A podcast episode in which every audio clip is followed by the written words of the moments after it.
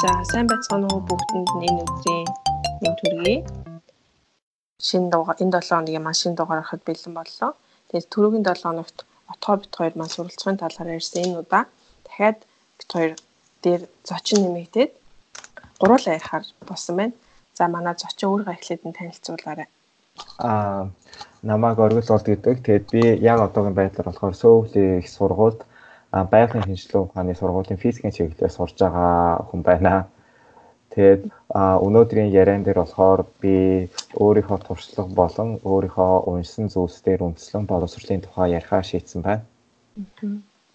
За баярлалаа. Отгоо маань сайн уу? Сайн.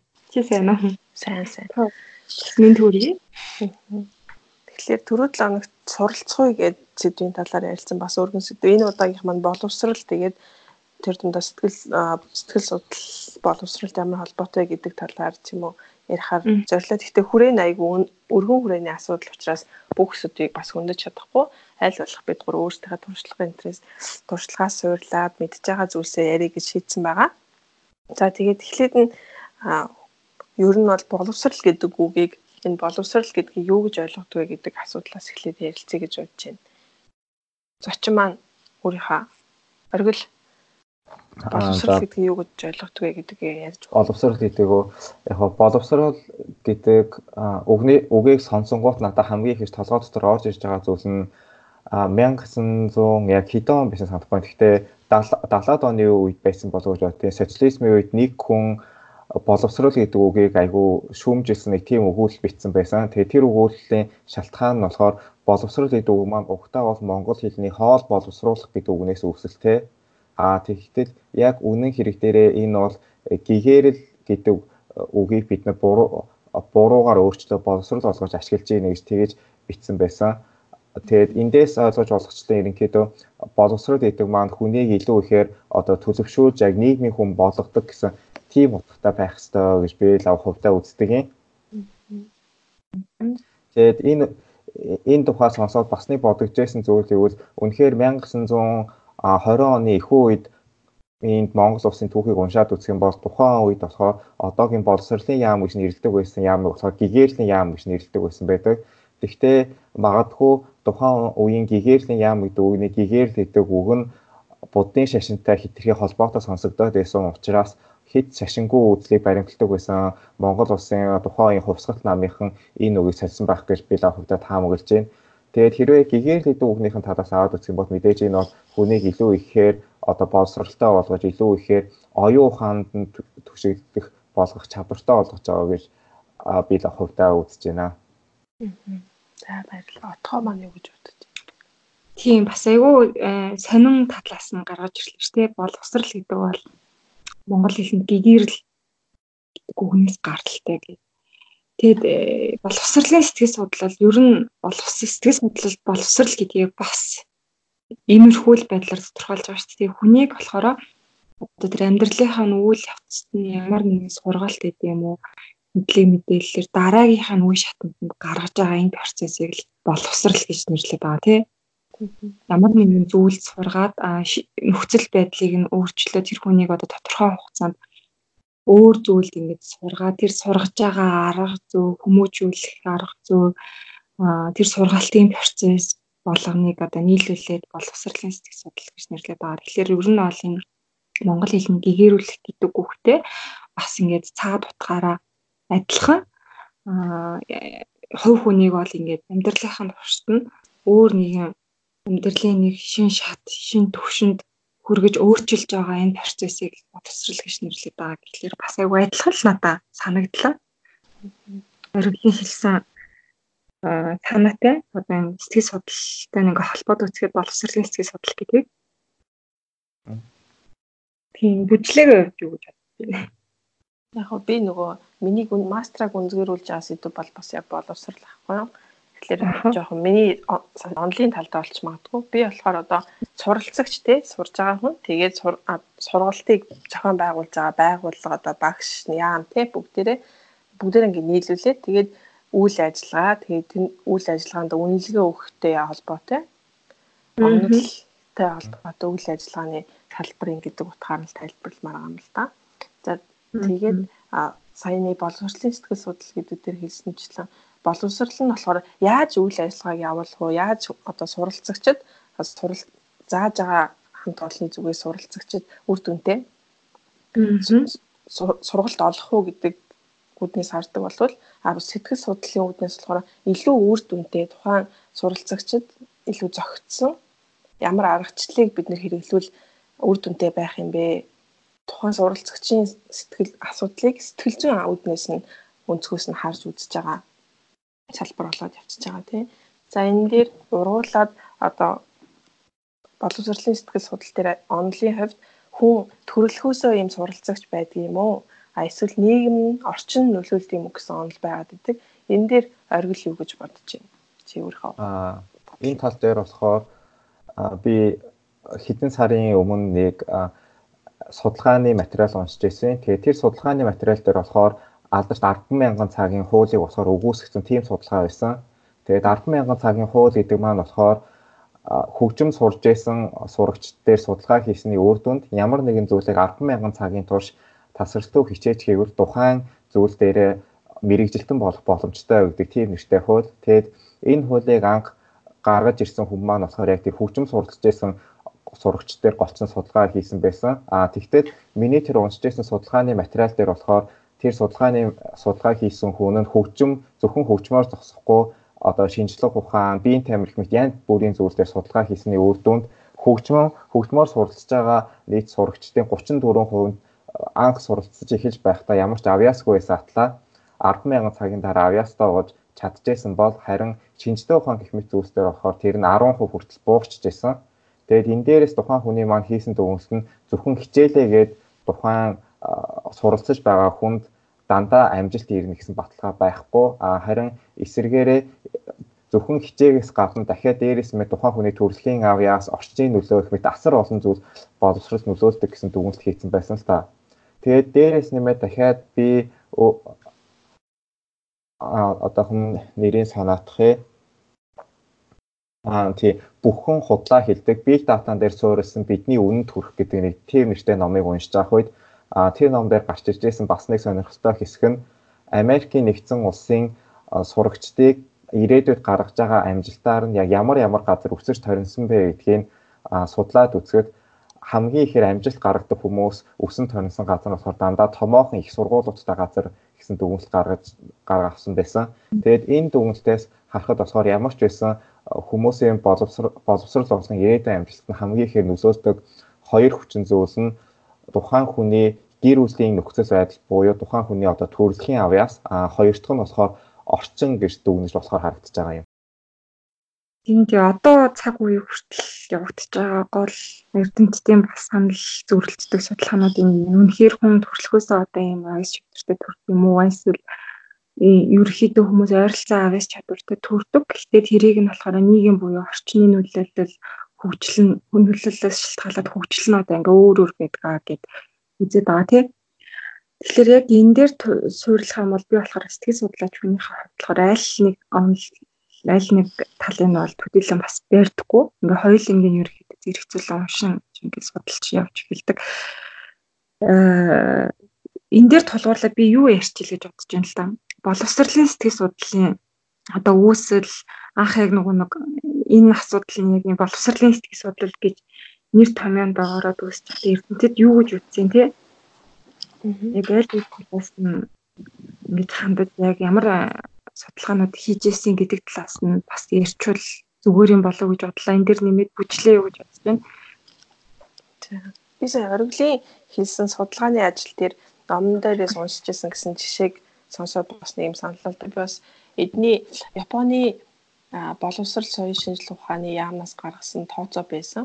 Тэгсэн чинь а жилийн орлого нь аав ээжийн жилийн орлого нь 2 сая йенээс дээш орлоготой гэр бүлд өссөн хүүхдүүдийн а сургалтын одоо дүн сургуулийн дүн тэгээд анги дэвших чадвар магадлал нэг өндөр байсан гэсэн судалгаа хийсэн. Тэгэхээр яалтчгүй а нийгмийн нөхцөл байдал бас нөлөөлдөг гэдэг нэг жишээ олж байгаа юм л да. Тэгээд дээрээс нь бас сэтгэл судлалын нөгөө туршилт штэ хоёр хүүхдийг нэг нь огт гасгал хийлэхгүйгээр шат авируул авируул сургаад нөгөөх нь болохоор баян өдрө болгон тогтмол цагт дасгал хийлгээд шатаар авируулад байсан. Тэгээд хэсэг хугацааны дараа үр дүнгийн ярихад ямар ч ялгаагүй байсан гэд. Тэгэхээр энэ нь нөгөө нэг хүн юмыг давтаж сурдаг гэн үнэн ч гэсэн тухайн нөхцөл байдлаас хамаарат жишээлбэл хүний хөгжлийн үүднээс авч үзэх юм бол юмыг сурах нас, чадах нас те боловсрох нас юмыг хүлээж авч чаддгүй үе гэж бас байдгийн байна гэсэн нэг тийм судалгаа байсан санагдлаа. За яг хуу миний хувьд бол одоо яг санаж байгаа орж ирж байгаа юм байна. Чи сайн ярьснараа онлынхаа түүхийн талаар жоохон яриад өгөх. За тийм. Аа гэхдээ би бас сүлд нь яг энэ нөгөө ярьсан сэтгэвтэй нэг уйлдуулах гад үзье гэж бодож байна. Тэгээд боловсролын сэтгэл судлал гэж яг энэ нэр тамьянд ороод эрдэмтэд энэ талаар судалгаа хийгээд ер нь бол ингээд 100-аад жилийн хугацааг өнгөрөөж байна. А гэхдээ бүр өмнө одоо нэг эртний грекийн философчууд энэ зүрийн сэтгэгчид бол бүгдээрээ л энэ боловсрал гэдэг нэр тамьяа сургуу хүмүүжүүлэх ухаан гэдгийг бол ингээд маш их ярьсаар ирсэн. А гэхдээ яг сэтгэл судлаачдын төвшин сэтгэл судлаачд яг энэ дөр тусгаалan судалгаа хийгээд бол 100-аад жилийг үдсэж байна. Тэгээд яг энэ дээр тулгуурлаад орчин нөхцөл бол ингээд хүний боловсролд маш их чухал үр дүнтэй байдгаа, суралцах үйл явцад чухал үр дүнтэй байдгаа гэдэг талаар хөлөө өнгөрсөн подкастн дээр ярьсан. Скиннер, Скиннерийн туршилт, Павлов гэд тэ. А тэгтээ одоо энэ дээр болохоор би нэмж болохоор тэдрийг ярихгүйгээр Уильям Джеймс, Vygotsky, а Альфред Бине гэдэг одоо энэ томоохон сэтгэл судлаач нарын боловсралтыг оруулсан хувь нэмэр юу юм боловсролын сэтгэл судлалыг аль аль өнцгөөсөө харсан бэ гэдэг талаар нь хальт хальт ингэ дурдъя гэж бодож байна. А Уильям Джеймс болохоор бас яг адилхан а түүний бүжлээгийн асуулттай адилхан орчин нөхцөлд одоо ерөөхдөө хүний боловсрал тэр нөгөө суралцах үйл явцад хамгийн том нөлөөлдөг зүйл байдгаа гэж үтсэн. Тэг хүүхдүүдийг Уильям Джеймсийн үзнээр болохоор яг энийг ангид одоо ингэ боловсрал олохдоо ихчлэн та нар ингэ дуугаа суугаад багшийг сонс гэдэг даалгавар өгдөг те гол одоо ингээд багш нарын тавьдаг шаардлага нь юу гэхээр дуугүй байх хэрэгтэй ингээд анхааралтайгаар сонсох хэрэгтэй гэж шаардлага өгдөг. Гэтэл Уильям Джеймс болохоор юу гэж үзсэн бэхээр заавал ингээд дуугүй те ийм чимээгүй орчинд хүүхэд болохоор илүү их юм суралцаж чаддггүй. Тэгэхээр орчин нь өөрөө чөлөөтэй байх хэрэгтэй. Заавал хүүхэд бас ингээд сандал дээр суух албагүй, ширээн дээр ч ингээд ширээ сандлын арт ч суух албагүй. Өөрийнхөө хамгийн тавтай тухтай байдлаар ингээд суралцвал тэр сурж байгаа мэдээлэл нь болохоор хүнд илүү урт удаан хугацаанд тогтдог. Тэгээд хүүхдийг илүү ингээд тайван, нээлттэй, эс гадна хөдөлгөөнтэй орчинд одоо ингээд тоглож байхдаа тэг ялангуяа бага ангийн хүүхдүүд ингээд тоглож байхдаа хөдөлгөөн хийж байхдаа илүү сэргэлэн цаваа байхдаа а юмыг их сурж маш сайн сурж тэр сурсан зүйл нь урт удаан хугацаанд хичин тогтдгоо гэдэг одоо энэ байдлыг төвшүүлсэн. Нэг одоо олон зүйлийг төвшүүлсэн ч гэсэн яг түүний бас нэг хэлсэн зүйлсийг нэг нэмээсэн. А тэгээ энэ нь болохоор түрүү ариглын ярьсан хөгжим тоглож байгаа гэдэг дээр яг энэ надад орж ирсэн байхгүй юу? Гэхэлэр хөгжим гэдэг чинь өөр ингэ хөдөлгөөнтэй зүйл тийм төгөлдөр хурд тоглолцоор нэг чинь а тэгээ тэр хөдөлгөөн үйлдэл хөдөлгөөнийг бол олон удаагийн давталтын үр дүнд ингэж сурдаг тэгээ яг энтэй адилхан бас Джеймсийн одоо төвшүүлжсэн нэг санаа хөдөлгөөнтэй буюу нээлттэй ийм орчинд болохоор хүүхэд илүү их юм сурдаг. Тэгэхээр сургуулийн орчин ялангуяа бага ангийн хүүхдүүдэд бол ингэ суулгаж чимээгүйгээр ингэж заах нь тэмж таатай зөв зүйл биш ээ гэдэг юм судалгааг явуулаад байна олыг төвшүүлжсэн. Vygotsky ч гэсэн цэцэрлэгийн хүмүүсээр хийсэн судалгаан дээрээ цэцэрлэгийн орчин нөхцөл за ялангуяа сургуу хүмүүжүүлэгчд болон эцэг эхийн харилцаа үүрэг тэр хүүхдийн одоо ингээд сурах процесс буюу боловсралд ингээд маш их дэмж дэм тусламж болдгоо илүү одоо ямар авьяас чадвартай төрсөн гэдгээсээ илүүтэй одоо тэр цэцэрлэгийн орчин багш нар эцэг эхчүүд бол тэр хүүхдийн сурах үйл явц боловсролын байдалд болохоор маш их нөлөөлдөг гэж хэлсэн байдаг. Тэгээд Vygotsky-ийн олон ангиллууд байдаг. Үүнээс гадна Францис сэтгэл судлаач William James болохоор одоо яг өнөө цаг үед бас хэрэглэгддэг IQ буюу оюун ухааны ихтгэл зүйн гаргаж ирээд IQ тестийг авах зохиосон байгаа. Тэгээд IQ тестийг авах савхтаа Альфред Бине яасан юм бэ гэхээр өөрөө сургуулийн юм шалдвартай сэтгэх судлаач тухайн үеийнхаа одоо Францын сургуулийн хүүхдүүд дээр ажиглалт хийсэн. Тэгээ ажиглалт хийгээд ижсэн чинь багшийн хэлсэн зүйлийг зарим хүүхдүүд нь шууд хэлснийхэн дараа нь ингээд ойлгоод тэр ингээд хичээлийг ингээд сайн суралцж байна. Гэтэл зарим хүүхдүүд нь тухайн тэр асууд хичээлийг 2 3 хэлүүлж ойлгож байсан. Зарим нь болохоор маш олон удаа хэлүүлж ойлгож байсан. Тэгээд энэ дээрээс болохоор юу ажиглагдсан юм гэхээр хүүхдүүдийн ингээд юмыг суралцах хугацаа нь болохоор өөр байт юм байна.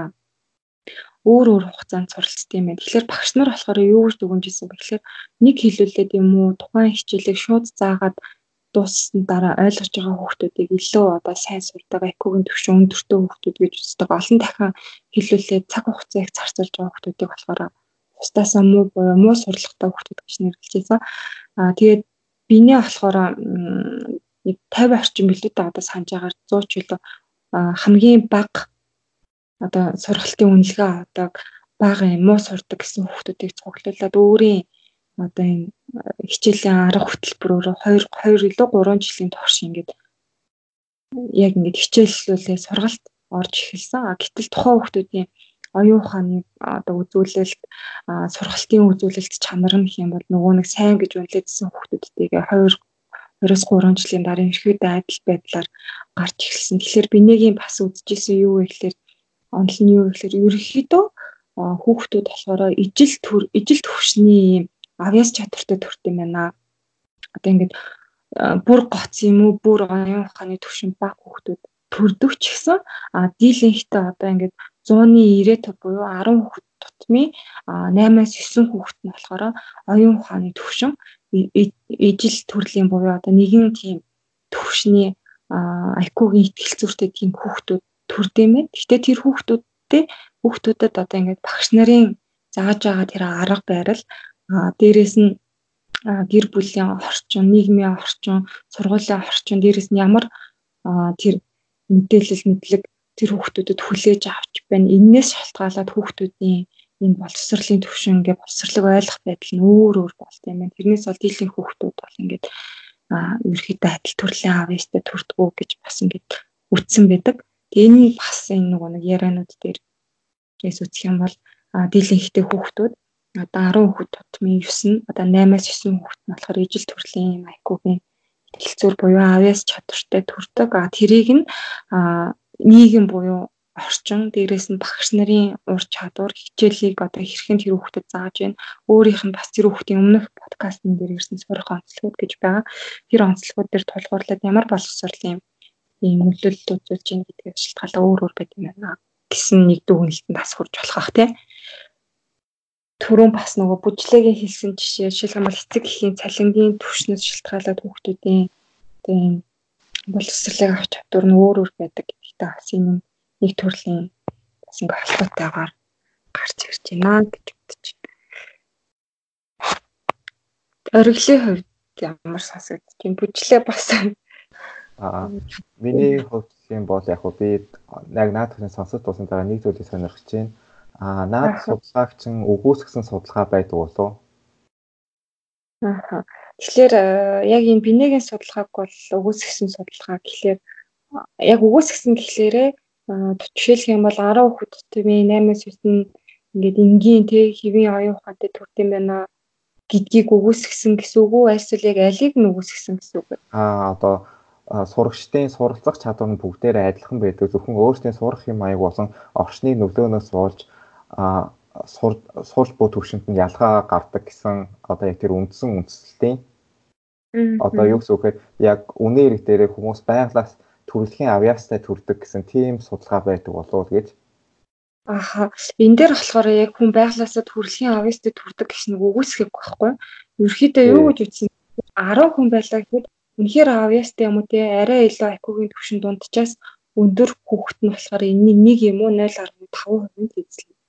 Аа IQ-гийн түвшин бол ингээд дунджаасаа бага буюу ингээд ойлгох чадвар арай багтай хүн бас адилхан нэг юм уу 0.5% эзлэн. За үндэстэн дээр ч гэсэн үзэхдээ жишээлх юм бол Монгол хүн улс бол 3 сая хүн амтай гэж үзэхэд 3 сая хүн амын 90% буюу одоо ингээд 90% нь ерөөхдөө 80-аас 90% нь дундаж IQ-гийн төвшөнтэй. А түүний 10% нь бол ингээд дундчаас арай дээшээ 10% нь бол ингээд дундчаас арай бага IQ-тэй.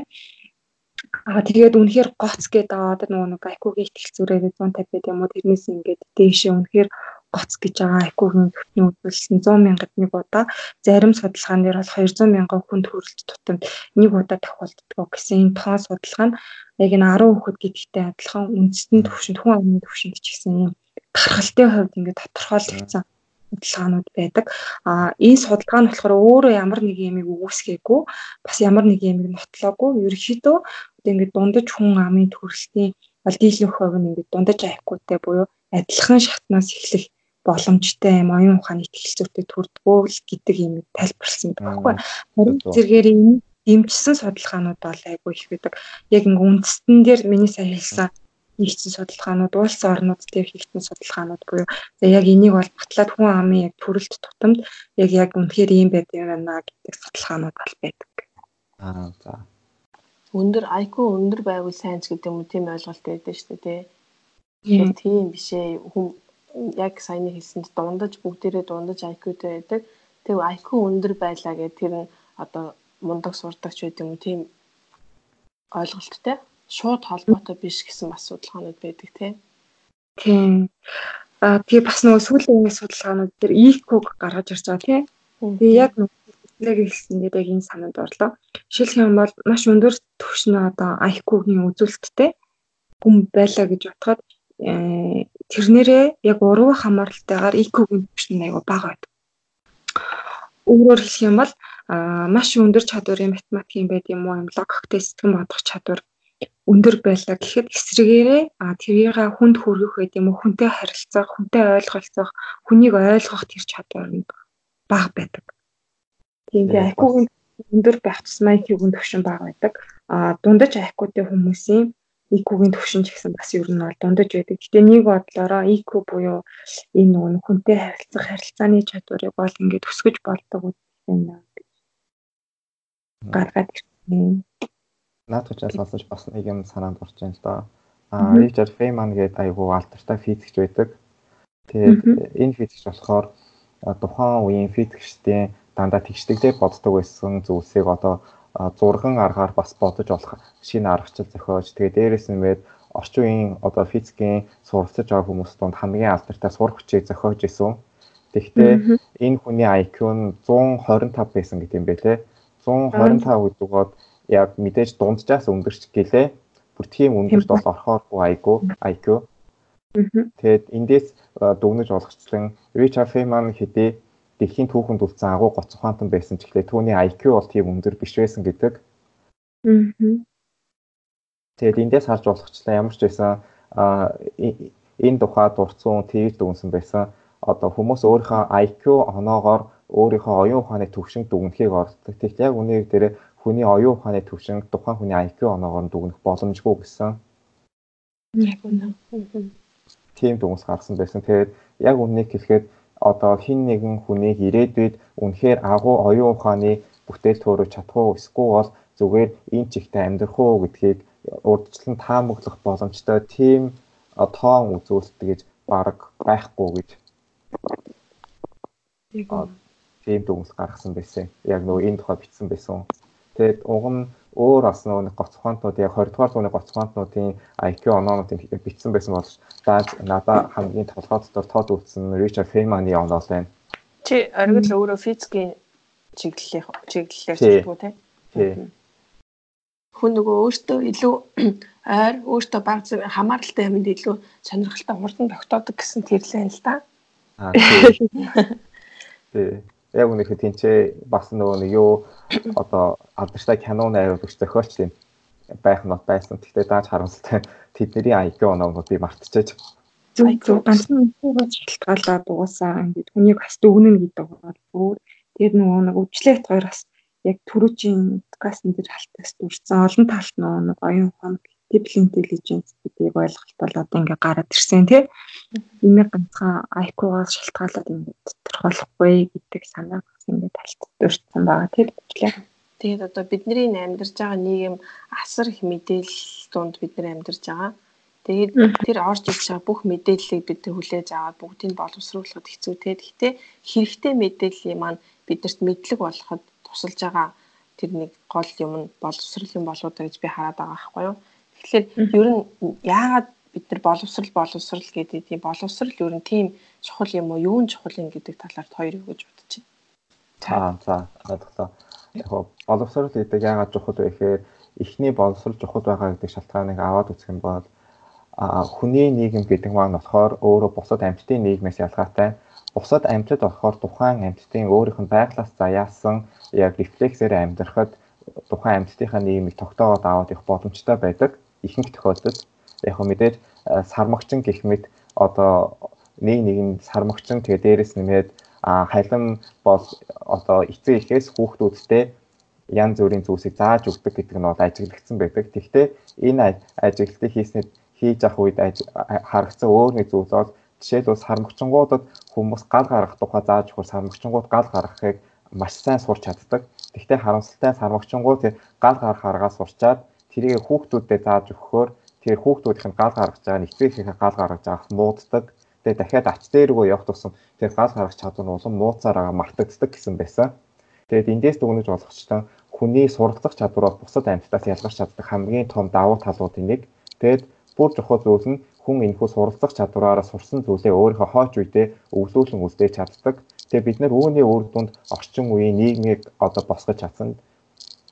Тэгээд энэний нэг тод жишээ Энийг нэг тод жишээ бол жишээлбэл бүр хэдэн мянган жилийн өмнөх хууль болон зүгээр нэг мянгаад жилийн өмнө гарч ирсэн хууль хоёрт ижил төстэй талууд ажиглагдаад байдаг. Тэгээд энэ ижил төстэй талууд ажиглагдж байгаа шалтгаан нь болохоор хэдэн мянган жилийн өмнөх тэр уламжил хууль болоод гараа тавигдангууд тэр нь уламжил болж тогтоод хүмүүст уламжлагдаж явсаар агаад мянган жилийн дараах хууль дээр хүртэл гарч ирсэн гэж хэлж болно. Тэгээд эндээс харж болох чинь бидний нийгэм болохоор өөрөө хүмүүсийн байглаас заяасан биш харин төрснийхаа дараа амьдрах хугацаанд суралцдаг зүйлдер асар ихээр тулгуурлаж яадаг.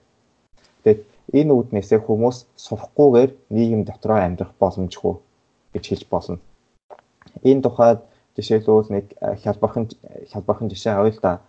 А одоо юу хүмүүс байдаг? Жишээлбэл одоо бүр соёл иргэншлээс ангид одоо тийм зэрлэг одоо хүү нэгдлийн үеийн омгийн амьдралаар амьдардаг хүмүүс байдаг. Тэгээд тэдгээр хүмүүс Англид очих үед Английн засгийн газраас тэднэрт зориулаад нэг ном гаргасан байсан. Тэгээд тэр ном нь болохоор жишээлбэл та нар гудамжинд амтан харагдана. Гэхдээ тэр амьтдыг агнаж болохгүй. Тэгээд дээрэс нэмээд дахиад та нар ингээд хот дундуур усж байгаа гол тусан доош болохгүй гэх мэт айгу одоо бид нэр сонсоход инээдтэй санагдмаар зүйлсийг тэр ном дээр ингээд бичиж тавьсан байсан. Тэгэхдээ энийг нөгөө талаас нь бодоод үзэх юм бол а тэр одоо хүүний үеийн амьдралаар амьдарч байгаа хүмүүсийн хувьд гудамжинд зүгээр хаа хамаагүй гол харагдчихвал усан доорох тэгээ дээрээс нь амтан харагдах нь бол шууд агдах гэдэг зүйл нь болохоор зүгээр тэдний үед энгийн үзэгт байгаа. Тэгтэл одоогийн бидний байгуулсан энэ соёл гэж байгаа нийгэмд маань болохоор гудамжинд гол ороод усан доорох харин хажууд нь дахиад өөр нэг хүн нохоогоо салхилуудад явж байгаа шууд нохоог нь агнаад махын идэх гэх мэт зүйлс болохоор бид нэр зэрлэг балмад гэж үздэг байгаа. Тэгэхээр энэ юу гэсэн үг вэ гэхээр бидний амьдарч байгаа нийгэм маань тэрхүү хүү нэгдлийн үеийн хүмүүсийн нийгмээс илүү ихээр хүний байгалийн тэрхүү чадвараас илүү дараа сурч боловсрсан зүйлээр тулгуурласан гэсэн үг болж байгаа. Тэгэхээр хүн төрөлхтний одоо соёлт иргэншлийн өв уламжлалыг одоо өвлөн залгамжлуулах гэдэг утгаар харж үзэж байна гэж ойлгож болох уу те хэрэглэн. Тий, тэгж хэлж болно. Тэгээд бас мэдээж хоёр дахь зүйл байгаа. Энэ болохоор зүгээр хүмүүс ямар ч шалтгаангүйгээр нийгэмд нь ямар ч одоо тийм сайн зүйл болоогүй байхад зүгээр өөрө сонирхлоороо бас судалж яадаг. Тэгээд энэ болохоор бас хүний нэг давуу тал гэж хэлж болно. А энэ тухайн нэг алдартай яриа байдیں۔ Тэр нь болохоор Michael Faraday гэдэг Английн эрдэмтэн хамгийн анхны цахилгаан үүсвэрийг зохион бүтээсэн байдаг. Тэгээд цахилгаан үүсвэрийг зохион бүтээчээд тэрийгэ Английн ерөнхий сайдд үзүүлсэн чинь ерөнхий сайд нь харц суу сууж агаад энэ яг юунд хэрэгтэй юм бэ гэж асуусан. Тэгвэл Faraday эргүүлээд ерөнхий сайдаа хэдэн жилийн дараа их та энүүгээр татвар хураах болно гэж хариулсан байдیں۔ Тэгээд мэдээж энэ зүгэнс нь болохоор биелээд орчин үеийн соёл иргэншил болохоор мэдээж цахилгаангүйгээр төсөөлөгдөх боломжгүй болсон. А тэгтэл цахилгаан гэдэг зүйлийг Michael Faraday хамгийн анх зохион бүтээж авах болохоор тухайн үеийн хүмүүс болохоор цахилгааны яг үнийг гэхэд юунд ашиглаж болох вэ гэдгийг төсөөлж чадахгүй байсан. Тэгээд эндээс эндээс бас мэдээж хүмүүсийн боловсрол боловсрол маань болохоор нийгэм заавч тустай гэхэд тухайн үеийн үний зөвхөн сонирхол дээр бас тулгуурлаж болно гэсэн үг. Чисто гоё сонирхолтой гаргалгаа юм тий. Тий. Жишээлбэл одоо миний энэ хичээл дээр үзэж байгаа сэдвүүдийн одоо физикийн шинжилгээ ухааны сэдвүүд шүү дээ. Эднэрийн болохоор яг үүндээ талаас илүү хувь нь болохоор амьдрал дээр бид нэр ашиглах боломжгүй зөвхөн байгаль дээр ажиглах боломжтой үзэгдлүүд байдаг. Яг үнийг гэхэд тэдгээр үзэгдлүүдийг ашиглаад хүн тустай зөвлүүд хийсэн тохиолдолд болохоор бараг байхгүй гэж болно. Одоо зөвхөн судалгааныхаа шатанд явж байгаа. Тэгсэн хатаад дэлхийд даяар хэдэн сая хүн энийг сурж байдаг. Тэгээд тэр хүмүүсийн сурж байгаа шалтгаанууд мэдээж дахиад хүн тустай юм зохион бүтээх гэсэн шалтгаан байгаа байгаа байж боловч мэдээж асар олон хүмүүс эрдөө энийг сонирхлоороо сурж явж байдаг. Тэгэхээр эндээс мэдээж хүний сонирхлоороо сурах гэдэг маань бас зөвхөн нийгмийн авч явахын тулд сурах гэдэгтэй харьцуулахад тийм жижигхэн биш гэдэг нь болохоор харагдаж байгаа. Маш сонирхолтой санаа нь ёстой бодож үзэж байгааг үсэдэг өнцгөөс харсан байна тий. Тийм гэдэг миний юу бол ийм л байгаа. Тэгэхээр чиний хувьд яг өөрийнхөө үднээс авч үзэх юм бол ер нь бол яг цэвэр сонирхлоороо сурж байгаа юм байна тий. Тийм миний хувьд бол тий сонирхлоороо гэж хэлж болно. Тий яг яг үнэ гэхэд би болохоор багтаа зүгээр одоо оронд аягүй дуртай байсан. Тэгээд одоо оронд дуртай байж байгаа зүгээр гэрийнхаа цонхоор нөгөө янз бүрийн однуудыг харж зогсох дуртай.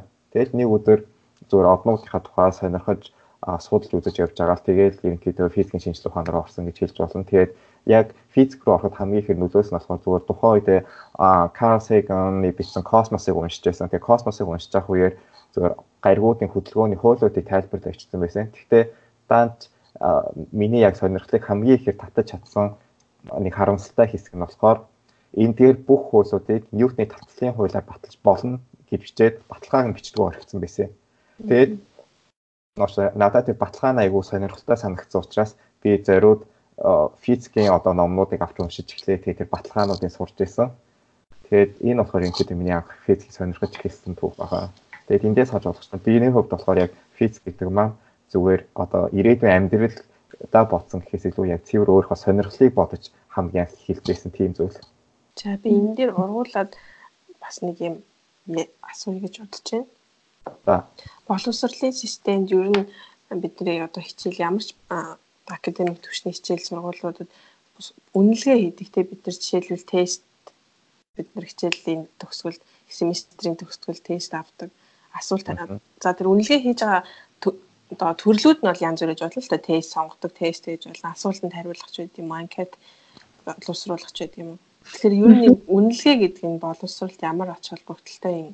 Юу гэж бодож та хоёр жишээлбэл хүүхдүүд 10 жил байхад жишээлбэл ангийн хүүхдүүд шалгалт авах гэхэд жоохон дургуутдаг ш тий яа ингэ шалгалтгүй байж болдгоо юм уу ч гэдэг юм уу тий ер нь шалгалт аавна тий тест бүглүүлнэ гэдэг чи өөрөө яг боловсролд ямар ач холбогдолтой юм бол хоёр юу гэж бодож байна? Тестэнд эсрэгээрээ дуртай хүүхдүүд бас байдаг. Шалгалт авах гэхээр баярлдаг аль төрлийн хүүхдээс одоо ч гэсэн бид бүгдээрээс гуруулаа сурч байгаа учраас бас одоо ч гэсэн шалгалт өгөхөд дуртай байдгүй үгүй юу ер нь энэ ач холбогдол нь юу гэж боддог вэ гэдэг талаар ярилцъя Аа. Тэг яг нөгөө нэг би төрүүлээ тавилчаа тий. За. За эхлээд нөгөө аль төрлийн хүүхэд байсан бэ. Би болохоор 10 жил татваршлалтанд болохоор нэг их тийж цааргалтгүй туртай ерөөхдөө өгдөг тийм хүүхдээсэн. Аа их сургуулийн бакалаврын ангид багтааж исэн багс юм цааргалахгүй шалгалтыг сайн өгдөг хүүхдээсэн.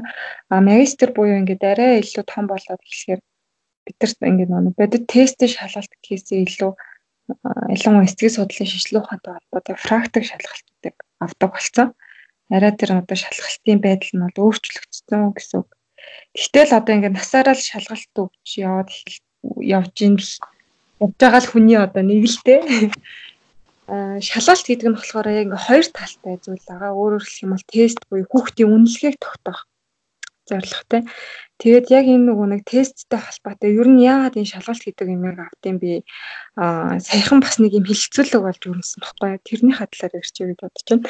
Одоо ингэ бүркийн боловсролын систем өөрөө ингээд а 10 жилийн боловсролд үүргээд их сургуулийн боловсролын боловсролд ингээд их сургуульд орохдоо бүх нийтээрээ одоо шалгалт өгдөг их сургуульд хэлсэх шалгалт А тэр шалгалт нь өөрөө маш хэцүү. Дээрээс нь 80 сая хүн амтай учраас тэр шалгалтанд орж байгаа хүүхдүүдийн тоо төдөж хийнэгээрээ их байдаг. Тэгээд энэ зарим хүүхдүүд олон багш нар энэ шалгалт буюу бүхний дээр нь авдаг энэ зүйлийг бол ингэж эсэргүүц нийтлэл битсэн байсан. А гэтэл эсэргээр нь одоо энэ Туркийн боловсролын амнаас ямар мэдээлэл хийсэн гэхээр өнөөг хүртэл одоо ингээд хүүхдүүд бол ингээд хүмүүсийн суралцж байгаа үйл байдалд үнэлгээ өгөх царийн ганц арга нь болохоор ингээд тест буюу шалгалт гэдэг.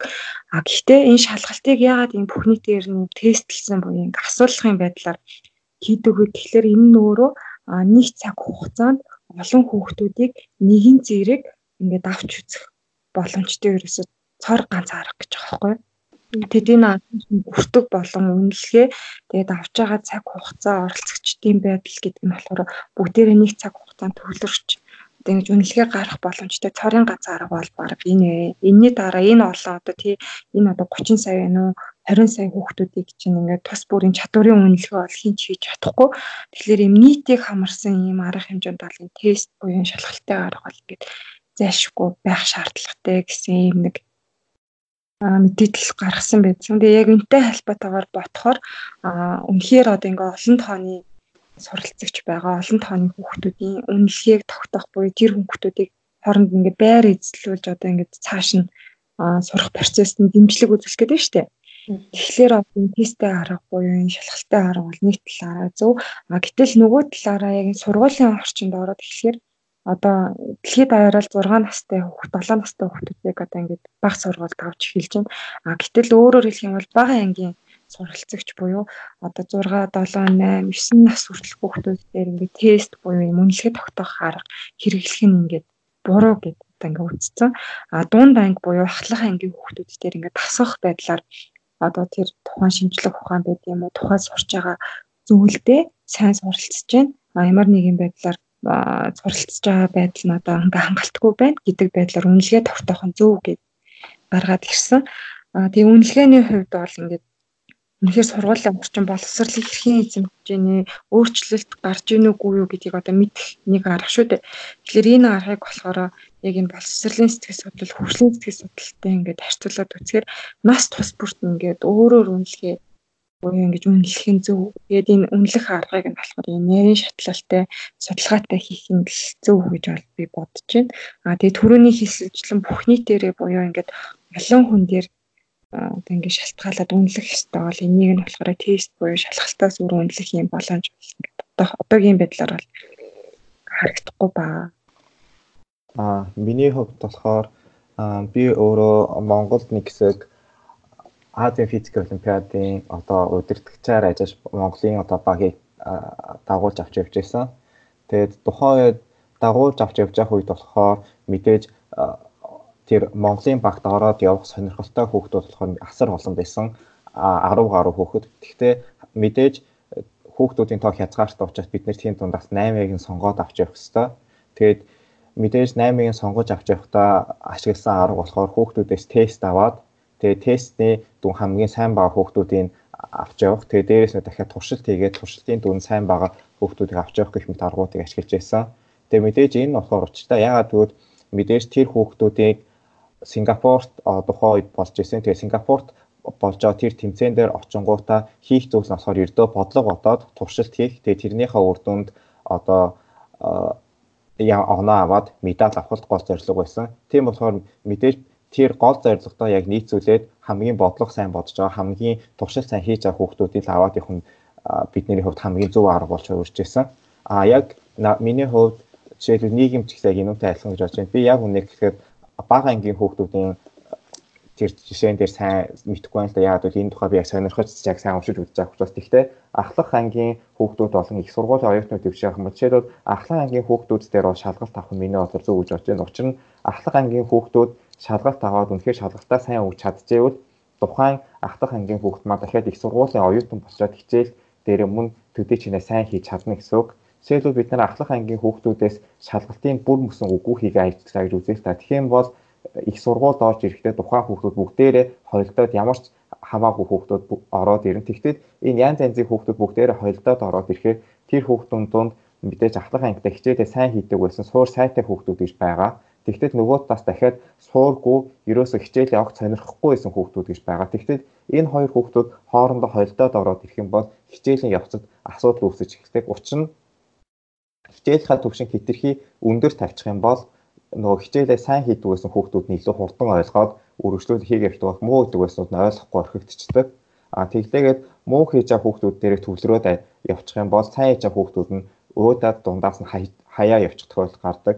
Тэгээд эндээс болохоор ахлах сургуулийн хүүхдүүдээс шалгалт авах нь бол миний зөв зөв гэж бодож байна. Ингэж шалгалт авснаар бид нар ахлах сургуулийн хүүхдүүд яг тухайн сэдвийг хэр сайн мэдэж байгаа вэ? Тэгээд дээрэс нэмээд дахиад тухайн сэдвээр хэр сайн сурч чадах вэ гэдгийг ялгаад яг тэр чадвар чадварт нь тохирсон боловсролыг их сургуульд нь олгож чадах учраас. За баярлалаа. Хоёр хоёулаа миний бас бодож исэн юм хэлчихлээ. Тэгэхээр жоохон өшөөж ганцхан нэмээд дэлгэрүүлээд хэлэхэд сая нөгөө үнэлгээний журмууд нэг олон төрлүүд нь олон янз байгаа гэсэн тий. Отгоогийн хэлсэн тэр нөгөө тест болохоор яалтчгүй тоо тоо олон хүнээс шалгалт авах гэж байгаа тохиолдол хамгийн тохиромжтой байдаг.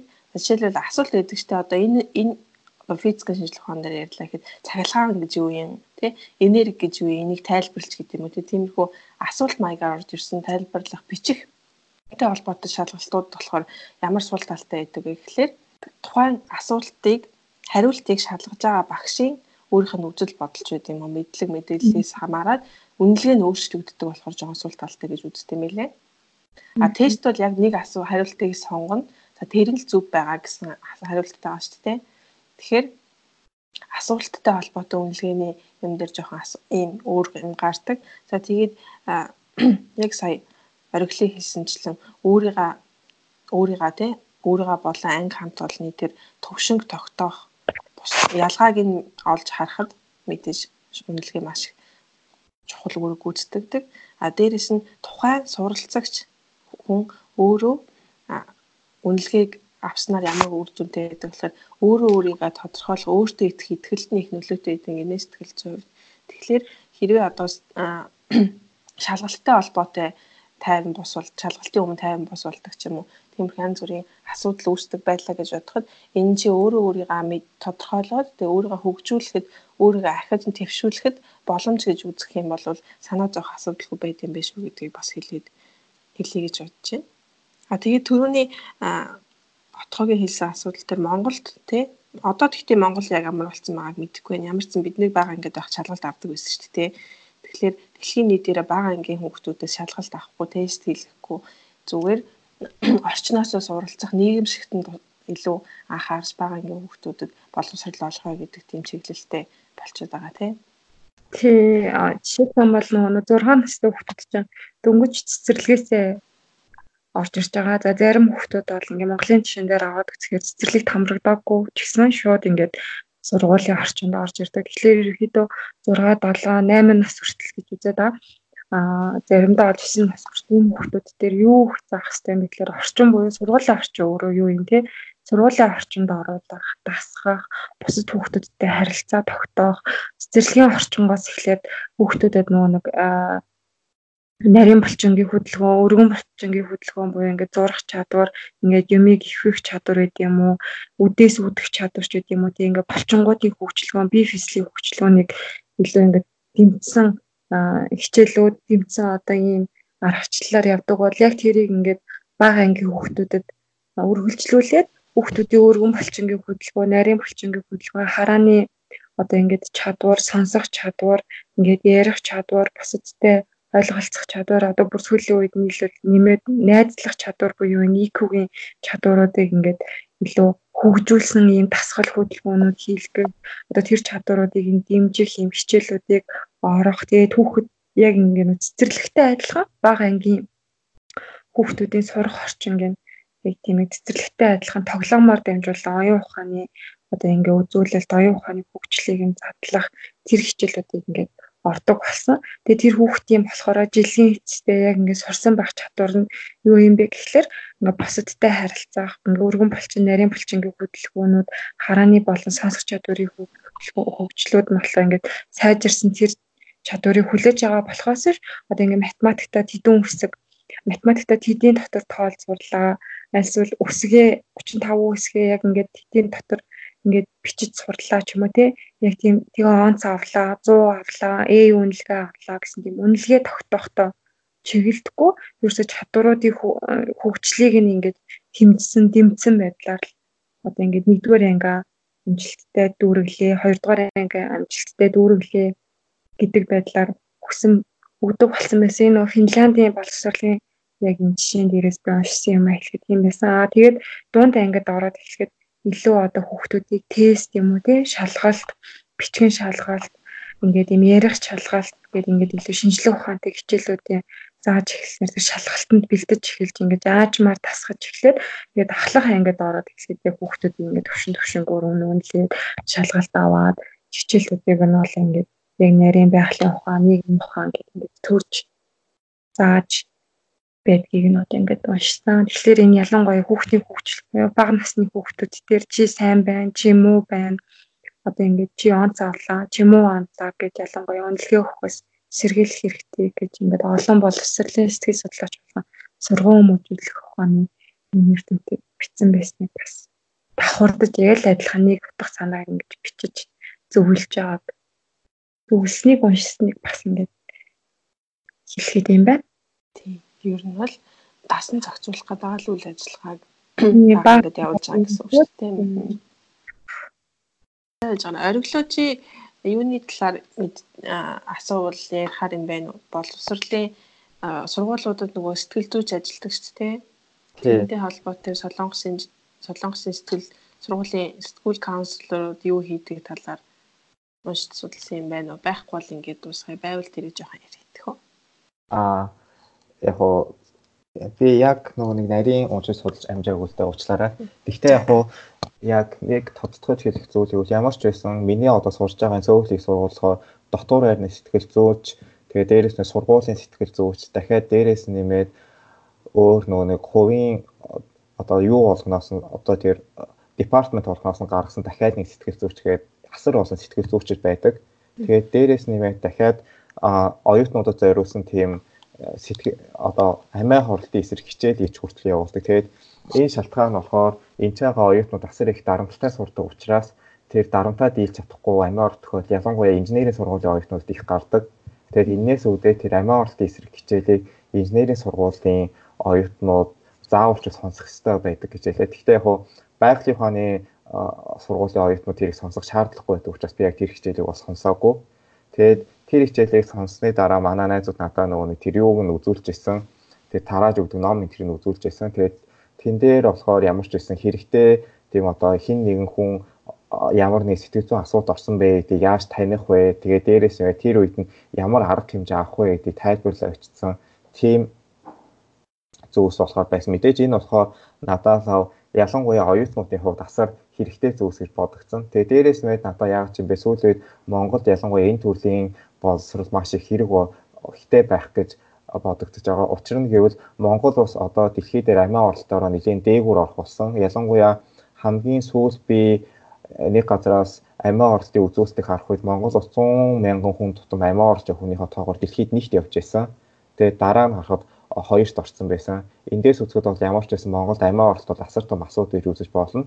Тэгэхээр амиа хорс гэдэг энэ хүү том асуудалтай э, тэмцээх юм бол бид мэдээж тухайн хүнийх сэтгэл зүйтэй туулж ажиллахаас өөр арга байхгүй. Тэгэхээр сэтгэл зүйтэй туулж ажиллая гэвэл яг одоо энэ сургууль дээр хаасайгүй юм сэтгэл зүйн зөвлөгөө өгөх газар байгаа шиг Монголд ч гэсэн бас тийм сэтгэл зүйн зөвлөгөө өгөх газар их хэмжээгээр одоо гаргаж тавиад тэгээ тухайн хүнийхээ сэтгэл зүйн боловсрол дээр бас анхаарах хэрэгтэй болов уу гэж бодогдтiin.